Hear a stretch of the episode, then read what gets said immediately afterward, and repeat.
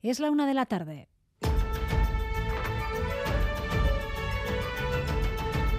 Crónica de Euskadi con María Cereceda.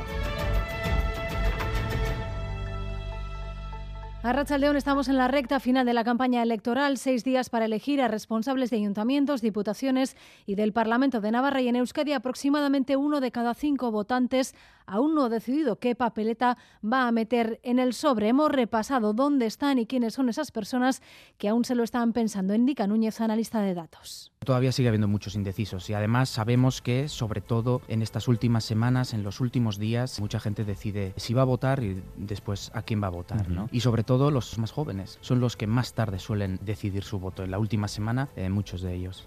Enseguida vamos con el diario de campaña de hoy.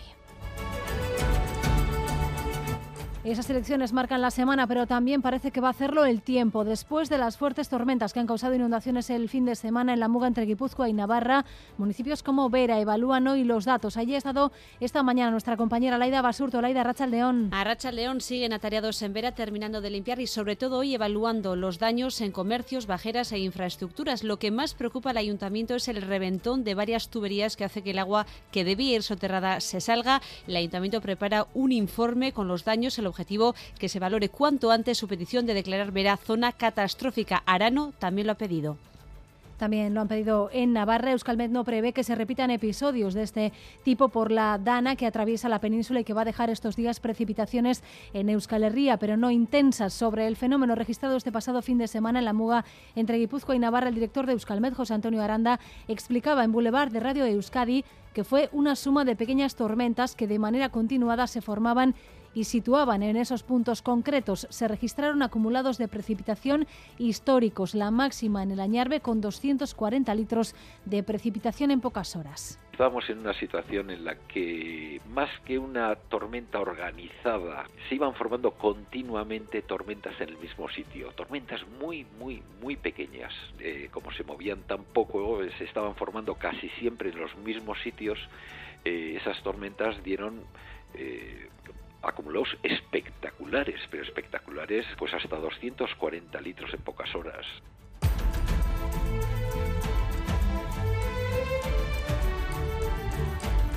La llegada de turistas sigue creciendo en Euskadi en lo que va de año. Cayó ligeramente la pasada Semana Santa, solo un 1%, pero hoy el Eustat ha hecho públicos los datos y lo que sí ha mejorado son los de estancia media. Quienes nos visitan se quedan más tiempo. Rodrigo Manero, Arrachaldeón. Sí, Arrachaldeón, entre el jueves y el domingo de la pasada Semana Santa, los hoteles vascos alojaron a 51.000 visitantes. Esto es un leve descenso del 1% que realmente solo se dio en Vizcaya, porque la llegada de turistas sí subió en Álava y Guipúzcoa. Las pernoctaciones subieron en general, eso sí, un 0,6%, así que los que vinieron se quedaron un poco más. En todo el mes de abril, según el Eustat, la llegada de turistas sí que ha crecido, algo bueno para el sector, porque así no se concentra solo en los días festivos y en lo que va de año, la entrada de visitantes sube ya un 12%.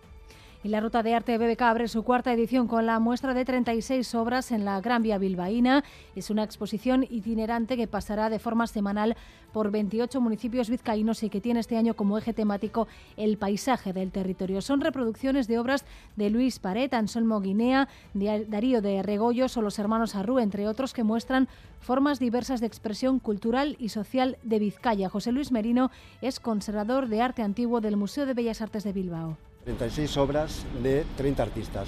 Partíamos de una idea plenairista o de paisajes de Vizcaya. Sin embargo, nos fuimos dando cuenta poco a poco de que el paisanaje tenía lógicamente un protagonismo importantísimo. Provocar una serie de miradas con trasfondos culturales, con trasfondos incluso ideológicos. Una visión poliédrica de Vizcaya.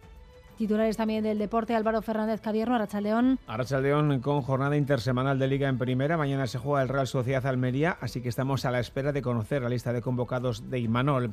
En golf, Carlota Ciganda ha conseguido esta madrugada la victoria en Florida, noveno título en el palmarés de la Navarra. Tenemos también final del manomanista. Altuna Lordi será el próximo 4 de junio en Bilbao y jornada de descanso en el Giro de Italia. Y trasciende ya a lo deportivo los insultos racistas ayer al delantero del Real Madrid, Vinicius Junior, en el campo de fútbol del Valencia, que el equipo madridista ha llevado ya a la Fiscalía y han cogido dimensión internacional. En las últimas horas, la FIFA y el presidente de Brasil se han pronunciado sobre lo ocurrido. Oscar Pérez Arrachaldeón. Arrachaldeón, el presidente de Brasil, para decir que los insultos que se escucharon en Mestalla llamando mono al jugador deben ser cortados de raíz por los organismos responsables del fútbol. A FIFA, que a Liga Española, que a Liga de otros países tome serias providencias, porque nós no podemos permitir que el fascismo tome conta y el racismo dentro del estadio de fútbol.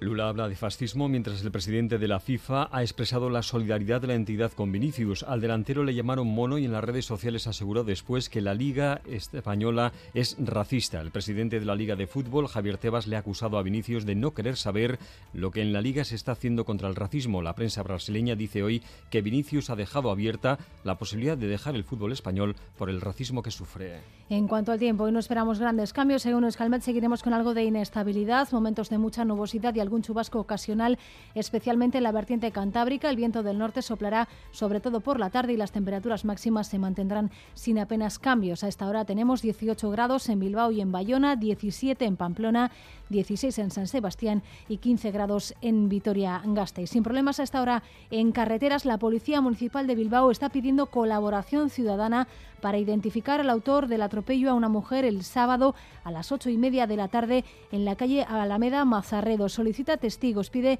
a cualquiera que pueda aportar información sobre lo ocurrido que se ponga en contacto con ellos a través del teléfono 94 420 5040 o en el correo electrónico atestados-tráfico ssc bilbao.eus. Gracias por elegir Radio Euskadi y Radio Vitoria para informarse. Raúl González y José Ignacio Revuelta están en la dirección técnica, Ainhoa Iglesia en la coordinación. Crónica de Euskadi con María Cereceda.